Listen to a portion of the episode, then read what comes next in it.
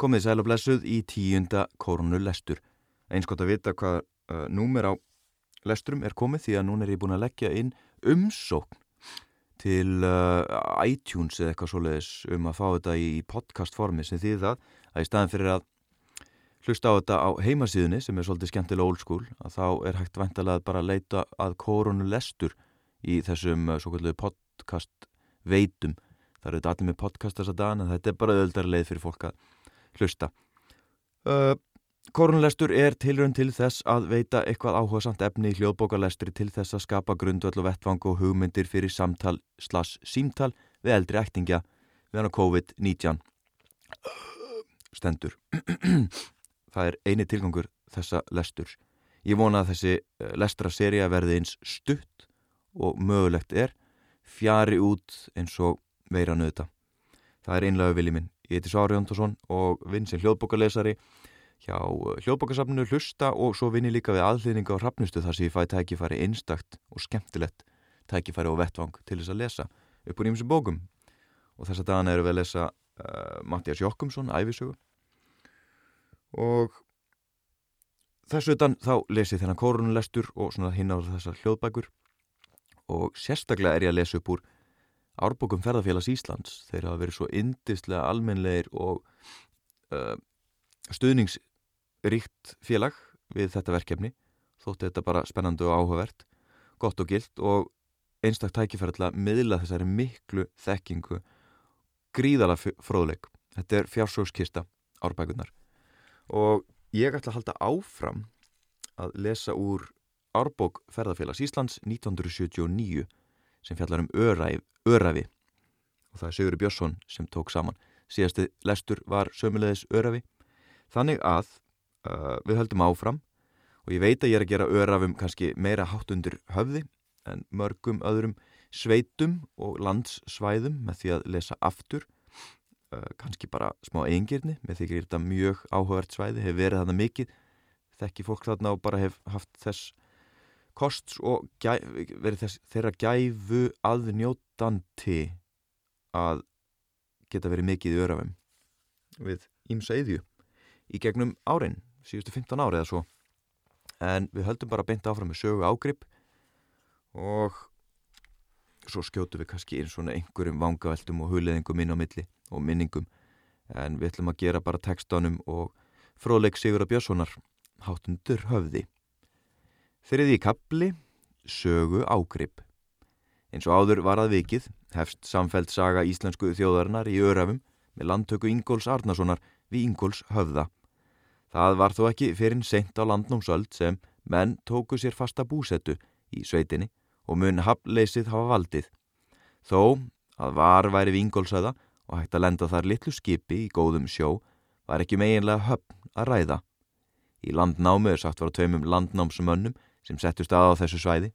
Báðar frásagnirnar eru nokkuð einstæðar í þeirri bók. Annar landnámsmaðurinn brauð skipsitt á breyðar sandi og var gefið landmiðlu jökulsár og kvíár. Hinn landnámsmaðurinn var kona, er mistæði mann sinn á leið til landsins, en var samt full fær um að nema land og helgaði sér það með því að teima kvígu sína frá tóftafelli, staðarfjalli, skamt frá kvíá að jökulfelli. Ekki er getuð um aðra konu sem helgaði sér land með þeim hætti. Líklegt er þó að fleiri hafi farið að dæmi hennar því að snemma munu hafi verið setta reglur um landnám og hveðið þar á að þess aðferð skildu konur hafa. Landnáma tæpir á sögu efni sem bundir við þessar slóðir og er orðalagi þannig að sögurnar hljóta að hafi verið alkunnar á rítunatíma hennar. Hans sínir voru örn sterkir er deildi við Þordísi Jarls dóttur en Nú er þar glemdar með öllu. Vel getur verið að hinn mikla úrkoma á söðustu ströndinni eigi sög á því að nú eru engar bækur til af þessu svæði frá ritunar tíma Íslandinga sagna. Vegna rakans hefur verið erfitt að geima bækur hér eins og húsakinni voru, erfiðar en víða, annar staðar þar sem úrkoma er minni. Svínafell kemur talsvert við njálu eins og allir kannast við. Það varð snemma höfðingja setur og var það að minnsta kosti fram til 1200 og 70.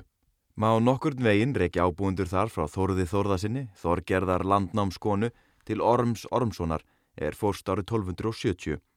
Höfðingjarnir í Svínafelli komi nokkuð við sögu, sumra biskupa og er vel líst viðskiptum Þorláks biskups Þóraldssonar og Sigurðar Ormssonar í Svínafelli í Ottverja þætti. Ekki hallaðist á Sigurð um rökin í deilu þeirra, þótt biskup hlitið að ráða með kirkjuvaldið á bakvið sig. Milli lína má lesa að Sigurður hafi átt þátt í að koma Guðmyndi góða á biskups stól, en ekki varð ástriki þeirra mikið eftir það. Einstað er sagan af Sigurði þegar hann baði Guðmund að blessa yfir dísina, þar sem maður er hafið fyrirfarið sér, en þótti ganga aftur, hvað það helst mundu til úrbóta. Ef til vill er það arfur frá Sigurði að draugatrú verðist að veri minni í örafum, en víðast annar staðar. Svínafell kemur þó meira við Íslandingasögu Sturlu Þorðarssonar. Ormur Jónsson, sem oft var nefndur svínfellingur, þótt hann byggja vísu síðust ársinn í skál á síðu, kemur talsverti sögu þótt ekki erði hann gamall maður. Veldur þar nokkru um að hann var uppi á hennu miklu umbrótatímum sturnungaldar og átti stundum góðan þátt í því að sætta menn. Um skeið átti hann deilu við Snorra Sturluson en þegar Snorri rökklaðist fyrir Reykjóldi fyrir ofriki Sturla frænda síns átti hann skjól hjá ormi. Átti hann skjól hjá ormi. Sturlunga segir orm hafa verið vinsalastan allara óvíðra höfðingja á hans dögum Að víðum höfðingjum mun brandur, hálbróðar hans, ábóti í veri og síðar biskup, einn hafa verið vinsætli.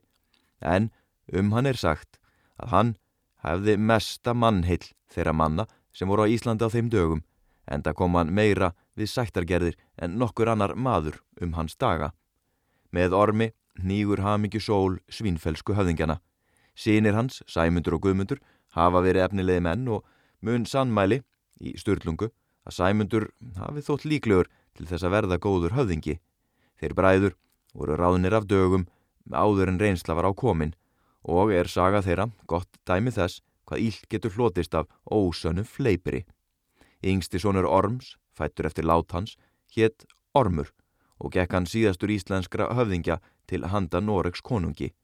Konungur skipaði honum haldt Ísland árið 1270 en hann druknaði við Noreg á leið til landsins 27. september sama ár, aðeins 28 árað aldri. Með ormi ormsinni virðist höfðing dómur svínfelling á enda, en heimildir skortir um hverjir tóku við bús forráðum í svínafelli eftir orm og lengi síðan. Þegar Þorlákur Þórallarsson, biskup, kom að svínafelli árið 1179 og kúaði Sigurð Ormsson til þess að gefa kirkju sem hann aðláti reysa á sandegnum hennar í vald biskups, hefur eflaust verið samin máldagi kirkjunar, en hann er löngu glataður. Aftur á móti er varðvittur máldagi sem hann gerði fyrir kirkjuna á Rauðalæk. Hún var höfuð kirkjasveitarnar og helguð heilari Maríu. Svo kirkja hefur verið með efnaðari kirkjum á þeim tíma og ber því vitni að hér aðeð hefur verið auðugt. Sennilega hefur þó verið farið að ganga á skóana því að kirkjan á skóar teiga í skaftafelli en ekki er getið skóar ítaka nær. Jón Biskup Sigurðsson skrifar máldaga fjögur að kirkna í Örafum á 14. öld og er talið að það hafi verið 1343 en gæti þó hafi verið eitthvað fyrr. Allar voru kirkjur þessar vel búnar þó að rauðalækjar kirkja var í langi ríkust, enda hafði hún efnast talsvert frá því að Þorlákur biskup var þar á ferð. Nú átt hún meðal annars kúkildi í gæsum og sald, rúmlega 100 kíló, korts í jörðu. Ekki munu til heimildur um hver margar gæsir voru í kúkildi. Engin efi er á að talsverð akur yrkja hefur verið í sveitin á þeim tíma, en það er það staðfest af fórn leifum. Aug þessara fjögur að kirkna voru tvær hálfkirkjur sem þjóna var frá Rauðalæk og tíu bænhús voru í sveitinni. Allt voru þetta bænda kirkjur nema kirkjan á Rauðalæk. Kirkjan sem Sigurður reisti í Svínafelli virðist nú aflögð og eignir hennar lagðar til Hofskirkju Í máldögum þessum er getið 24 á bæja en ekki er líklegt að allir séu taldir sem í sveitinni voru. Af þessum heimildum má nokkuð ráða um efnahag íbúa litla héraðs. Það er benda til þess að land hafi verið vel gróið og eigður litlar. Líklega hafa sagnir um bæi fram með á sléttlendinu út af vestanverðri sveitinni við nokkur röka styðjast. Um 1700 var skráð sögn um að sveitin hefði tvísvar eðist vegna hlaupa Í annarskiptið hefði tekið af átján, en sumir segja 16, bæi, framann á sléttlendinu. Má gera ráð fyrir að talan 16 kunni að vera óbrengluð því að í þjóðsögum vilja tölurnar millir 12 og 20 oftast verða átján. Þarna hefur verið að verki fyrsta stór hlaup skeiðar ár eftir að land byggðist, en nokkur óvisa er á hvenar það hafi orðið. Profesor Sigurður Þorreinsson hefur leitt röka því að þetta hlaup hafi orðið fyrir 1361 og ef til vill all löngu fyrr eða árið 1332. Meiri líkur benda þó til að það hafi komið áratögnum 1350 til 1360 eða mjög skömmu fyrr og geti skýrt gerðir girðis biskups sem þá satt á stóli og ráðstafiði eignum kirkjunar í Jökulfelli til kirkju á Núpstað. Engin var að vera á þetta hlaup, hefur valdið gífurlegu tjóni og ef til vill tekið af upp undir helming graslendisins. Þess var þó skamt að býða að sveitin erði fyrir öðru og enn meira áfalli. Í annálsbroti sem skráðminn á Norðurlandi en kent við Skálholt stendur við árið 1362. Eldur uppi á þrem stöðum fyrir sunnan og helst það frá faradögum til hausts með svo miklum bísnum að eitti allt litla hérað og mikið af hornafyrðu og lónskverfi svo eitti fimm þingmanna leiðir. Hér með hljóp Knappafeldsjökull fram í sjó þar sem áður var þrítugt djúb, með grjót falli, auður og saur og þar örðu síðan slettir sandar. Tók og af tvær kirkjusóknir með öllu að hofi og rauðalæk. Sandurinn tók í miðjan legg á slettu en rak saman í skabla, svo að varlas á húsin. Ösku fall bar norður um land, svo sporrækt var. Það fyldi og þessu að vikurinn sást reka í hrönnum fyrir vestfjörðum og varla máttu skip ganga fyrir.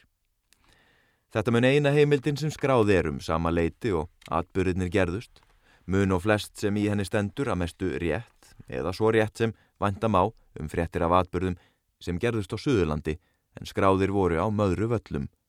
Kirkjusóknirnar voru að minnstakosti þrjár sem fór í eyði en að líkendum er gert of mikið úr dýpunu sem fyltist upp og það mun ekki hafa verið hlaupið sem allir þeim landauka.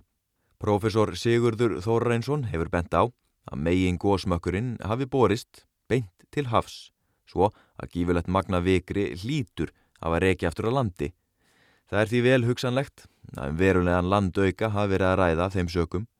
Líklega hefur sjórin síðar fært þessar hrannir til og óvísta landaukans gæti nokkuð nú. Gott skálks annall er fá orður um atbyrðin, segir að hlaupið hafi brotið niður allan staðin á rauðalæk, en kirkjan þó staðið eftir. Fleiri annalar geta um gós þetta en þeir eru allir skrifaðir löngu síðar eða ofanverðri 16. öld. Það er talað um að ekki að við lifa eftir nema kona og kapall en önnur heimild nefnir prest og djákna. Óvíst er um heimildir þessara annal og höfunda. Líklega hafa þeir að mestu farið eftir sögusögnum og alls óvíst að þær hafa verið skaftfelskar að uppruna. Það vil líka svo til að til eru örug heimild um að fleiri lifða af en þessir annalar segja. Í skaftafells máldaga sem Vilkin biskup setti er þess getið að Þóraræn biskup Sigursson hafi lagt til stafafells sex kúgildi frá Hnappavallarkirkju og kúgildis Ross og tötu í fríðu eða allan fjena Hnappavallarkirkju og þó Ross eða ekki samanber máldagan frá 1343. Aug þessa fekk stafafells kirkja frá Hnappavallum kross stóran, kaleik og skrúðast líkan sem þar var. Þessi heimild verður varðla rengt en hún hlýtur að þýða að fólk og fjenaðar frá Hnapaöllum hefur komist austur í lón eftir gósið en sennilega hefur varðla verið haga fá nær. En hafi Hnapvellingar komist af er líklegt að meiri hluti fólks á austurbæjónum hafi komist af. Einn er næri vist að fólki á hofi, svínafelli og skaftafelli hefur sloppið þó að beinar heimildir skortu um það. En á því er engin evi að sveitin hefur breyst mikið við þessar hamfarir. Þetta minnir náttúrulega svolítið á það að uh, sagan er kannski ekki alveg ekki alveg 100% staðfest á öllu leiti. Mart ratar í bækur og þannig að í mörgum bókum er einmitt að lesa þetta, bara laðust af allir bæir hérna við 1362 gósið og einhvern tíma las ég nú eina sögu að einn hafi sloppu og það var einhver smaladrengur á hesti eða leita atkvarsatni einhver um helli eða skúta. En það sem að náttúrulega Sigurður bendir á er að heimildir kannski þær þær eru svolítið óljósar og í þessu tilfelli þá kannski tökum við hlutunum svolítið sem algildum sannleik út af því að það uh, er rítað í sakfræði bókum en uh, heimildin, kannski upprunnulega heimildin eins og hann bendir á er kannski ekki þess kynst að það sé alveg hægt að staðfesta svo einfallega en þetta er auðvitað mikið hamfara gós og jökullin Örafa jökull þetta næst starsta eldfjalli í heimi sinna tegundar. Í heimi, sinna tegundar í heimi, sinna tegundar, hann er fyrir að ruggla sjálf á mig. Uh, allavega starsta eldfjall á Íslandi að þegar að það eitthvað krælir á sér að þá er náttúrulega uh, réttlæðanlegar áhyggjur en áfram með lesturinn Mjög er óvíst hver mikið vasslaup það var sem fylgdi gósinu og hver miklum gróðri það hefur eitt. Víst má telja að það hefur vaksið mjög í sögnum, öfugt við það sem farið hefur um vikurinn. Í annálsbrotinu sem áður getur segir að vikurinn hafi tekið í miðja legg á sléttu, en fullvíst má telja að þar sé frumur minna en meira gert úr. Gras hefur því verið lítið það árið í sveitinni og skóar hafa eflust að mestu fallið. Það bætti ekki um að eftir gósið Fauk vikurinn mjög í læki og ár og fylgti sum smákilin og jáfnvel all stjór gljúfur. Árnar mynduð þá lón bak við vikur stíplurnar, sprengdu þær og allu verulegum vassflóðum sem fleittu feikna vikur dingjum niður á sléttlendið. Má sjá þess merki að sumar árnar hafa stíplast, nokkurun sinnum að vikri og hlaupin komið á ímsum tímum árs. Sveitin hefur því áraðanlega farið í eyði og að líkindum verið óbyggðum ekkert skeið. Hitt er þó víst að menn hafa vitjað jarða sinna svo fljótt sem fært var að setjast þar að aftur og það hafa menn gert innan aldar fjörðungs. Nýr máldagi er gerður fyrir Hofskirkju 25 árum eftir gósið. Sá máldagi hefur raun að verið tortriður því að þar er Hofskirkja eignað sumt sem síðar er talið eign Sandfells kirkju. Skýringin gæti þó verið svo að Sandfells land hafi verið lengur að ná sér eftir gósið en það næri vist að það hefur beðið mest afhróð allra jarða í hlaupinu, þeirra er aftur byggðust. Því er vel hugsanlegt að Mikael Biskup hafa þessum tíma haft í huga að gera Hofskirkju að höfuð kirkju sveitarinnar, þó að eftir menn hans á Biskups stóli teldu annað henda betur. Báðar jarðirnar, Hof og Sandfell munu hafa verið bændaegn á þeim tíma. Kirkjan er þá fátakari en hún var 1343 en það er líklegt að efnahagur manna hafi verið heldur lélugur. Vindar og vatn á eflust hreinsað vikurinn af stórum spildum á þessum tíma og eitthvað hefur farið að gróa upp úr vikrinum hér og þar. Hugsanlegt er að fleiri ábyrðar efni en kali hafi verið í vikrinum ný föllnum þótt nú sé það löngu út skólað. Ef svo hefur verið, gata flýtt verulega fyrir gróðri. 120 árum eftir gósið virðist lífi í sveitinni komið nokkur veginn eðlilegt horf en heimildir eru mjög takmarkaðar. Eins og aðri sagt er hægt við að kjarrið hafi látið á sjá við gósið, þótt um það séu yngar heimildir. Við flettum hérna við nokkra blaðsur, uh, fram, á blaðsur 32. Því að á blaðsur 32 er svo einstaklega falli mynd eftir hann Snorra Snorrason, uh, fyllir heila síðu blaðsur 33, brúin á skeiðar á, Kvanadal snúkur á meðri mynd. Myndin, ég veit ekki hvort hún sé málið, hvort hún sé handmálið, nei. Það er bara svona að horfa á jökulinn, stundum ljósmyndir á hann, allt þetta þessi kvíti ís snjór, ís er bara alveg einstakta að sjá og ævintiralegur ljómi yfir þessu og örafinn auðvitað minna meira á já bara í heimalega fellin þegar maður kemur nála, þegar maður keirir upp að skaftafelli og kemur alveg upp að svínafellsjökli þá er þetta það landslá í Íslandi sem ég hef séð sem minnir eiginlega einna mest á já, það sem ég hef séð á ljósmyndum frá heimalega fellum og alpum og svona einhverju svona verulega, ekki hvernig ég var að lýsa því það er einhver svaka kraftur og, og, og stærð og massi í þessu sem maður skinjar þegar maður kemur keirandi yfir sandin og svo hægt og rólega stækkar og stækkar og stækkar þessi mikli massi fyrir fram að mann en við viljum að fara hérna beint í uh, jöklana sem fór að ganga fram eins og áður var að vikið gengur jöklar mjög fram á 17. öld og helt svo fram hérna átjóndu Jörðin Breiðá sem á sögöld var góð bíli og virðist hafa verið svo fram á 16. öld, fór í eigði 1698 og mun þó hafa verið setið þar meðan sætt var. Árið 1712 hefur jökullin hulið tætturnar, en sást og brot af tungarði fram á síðasta tug átjóndaldar, svo jökullin virðist ekki hafa gengið hratt fram á þeim árum, þó hann ætti síðar eftir að taka fjörkip. Eflaust hefur þó mikið bæst við að há jöklana.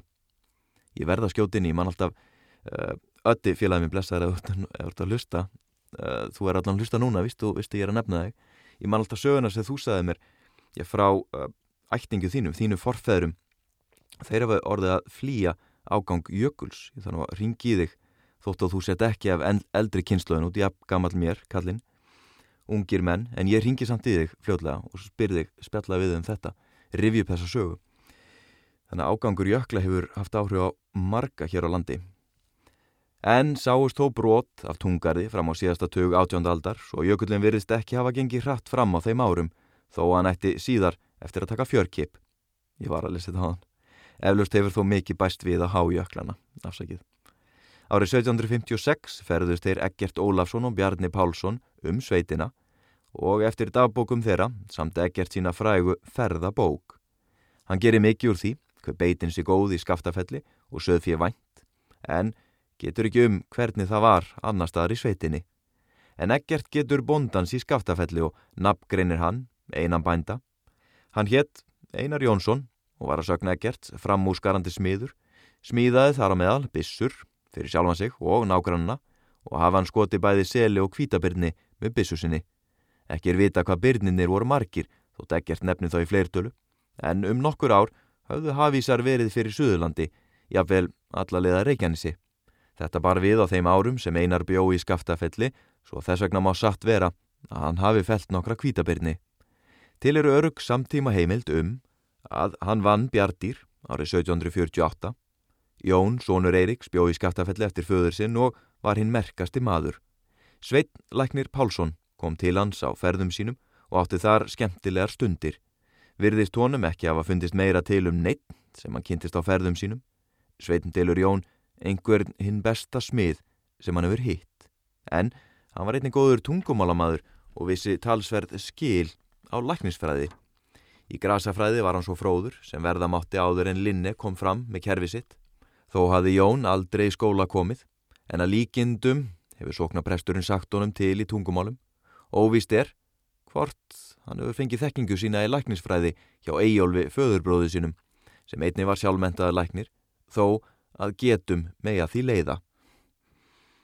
En ég á það, ég ætla hérna að skjóta inn í, ég er hættur að lesa, augnablikinu, ég ætla að skjóta hérna inn í, uh, ég bara kveðju kannski á Stefan, Stefan Freyri Jónsson, félagin minn bonda í Freysnesi, örgulega yngsti bondi sem ég hef hitt, byrjaði nú bara búskap um hvað 15-16 ára aldur, það er að segja að hann svona tók við rollunum þarna og, en hann er uh, badnabann hans uh, Ragnar Stefánssonar Ragnars Stefánssona fyrsta þjóðgasvarðar í skaftafelli.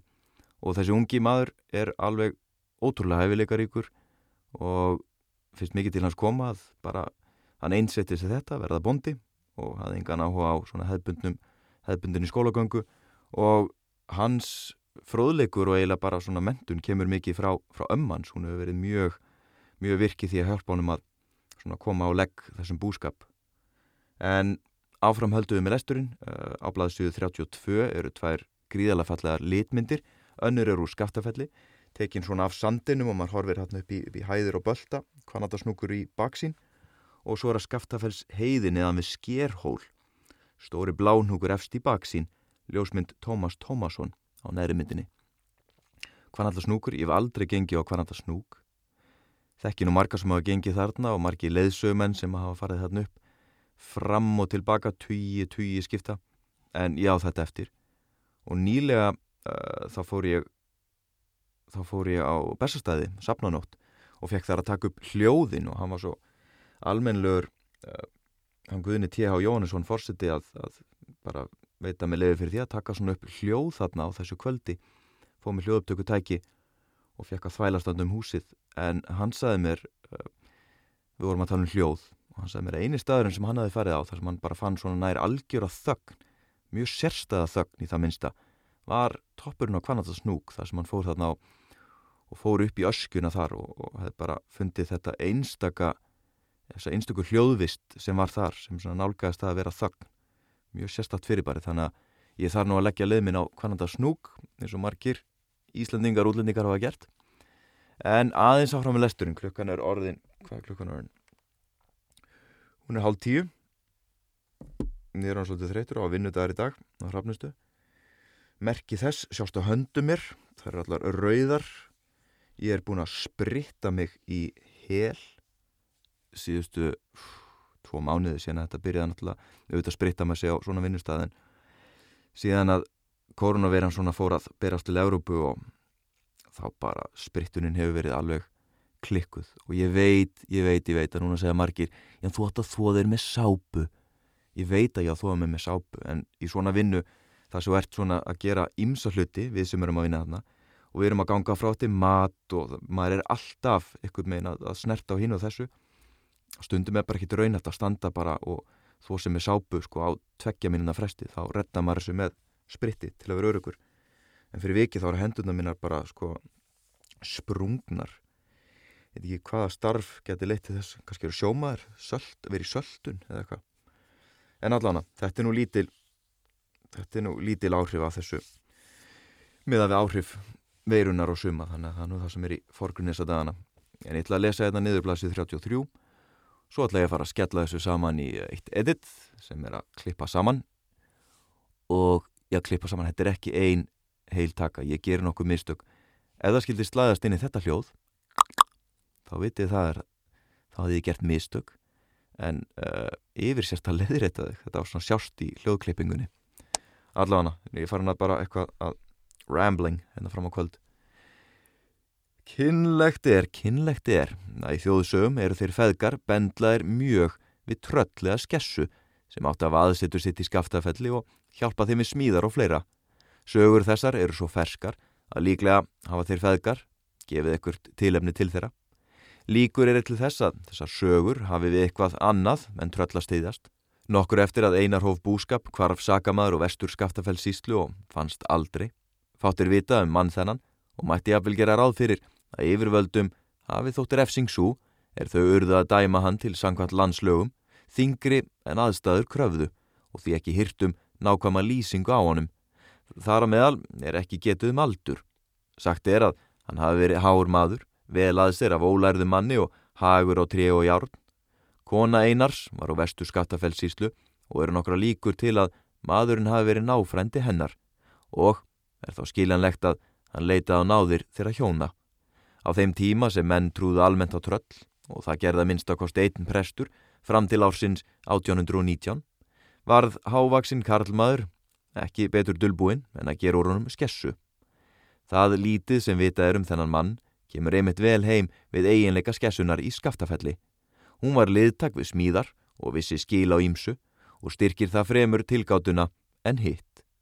Annars mun hraðsla við drauga og fórinur hafa verið minni í örafum en sumum öðrum byggðalögum þó að segja Brynjólfur Árnason að veð til vill tekju ofdjúft í árunni í svarið sinu til stjórnarinnar 1819 þar sem hann segir Hindur vittni eru hér engin. Vel má og vera að sumar sögurnar sem kunningjar einas sögðu að viðskiptu sínum við skessuna hafi beinleinis verið sagðar eftir pöntun. Einar hafi trúan okkur um vinnu sinum fyrir lindamálunu og beðið þá að styrkja orðróminn. Jæja, það er margt spennandi framöndan, ég veit ekki, þetta er nú, þetta er alveg skuggalegt hvað ég er, svona, er að detta inn í örafinn hérna, en hvort að við höldum áfram lestri örafabókarinnar eða förum yfir í aðra árbók, þær eru ansi margar, það mun komið ljós. Áðurinn í hveð, þá ætla ég að segja á blasu 104, 103, er svarkvill ljósmynd af flugvél, þetta er ekki DC, Douglas DC-10 eða hvað líka, uh, í fjárflutningum. Kindu voru fluttar með flugvel frá Örafum bæði til Borgafjörðarsíslu og Rángarvallasíslu salthauði í baksín og mér finnst endilega eins og hann uh, Óskar Frendi bróður hans af Óskar Jónatansson flugmaður. Nei, nú verð ég að lækka í vittlusni sjálfur mér. Stundu gerum að mistök og ég er að gera leðert ykkur degi eftir ég klára þannig lestur. Eftir að afi bentum rá og ég hef sagt Óskar í staðan fyrir Rikki. Rikki bróður hans, Ríkardur Jónatansson er flugmaðurinn sem ég var að vísi sem flög við um land með post á afskekta bæi og hitt og þetta og þar meðal með söðfje úr örafum áðurinn að brúað var. Ég saði Óskar sem er vissulega líka bróður hans, Óskar Jónatansson en ég hef örgla sagt Óskar vegna þess að frendi minn sem er sonur hans afa, ekki bróður hans afa, heldur sonur hans, Óskar Tryggvi Sávarsson Hann er flugmaður af lífi og sál í dag, en hann hefur ekki flóið með söðfið úr örafum. Þetta er leðritingin sem ég hér með geri, byggst afsökunar og lesturinn heldur áfram. Þetta er bara vandasamt og erfitt og ég er á nóð þreyttur hérna núna. En allavega, ringið í eldræktingja, spurðið um örafi, spurðið um uh, sögur af eldgósum, spurðið um uh, fræga smiði, járdsmiði og svo framvegis og svona merka einstakling, bara hvað sem er. Ég er á nóð þreyttur þetta spurningar. Þið finnið út úr þessu. Ég bara hveð ykkur, hafið það gott, farið vel með ykkur, verið uh, örug og allt það og hugsa um hildar samingi hlutana í þessu öllu saman. Vonum að þetta líði hjá og koronalestur líðundur lok sem á þetta ástand ég hveð verið sæl bless.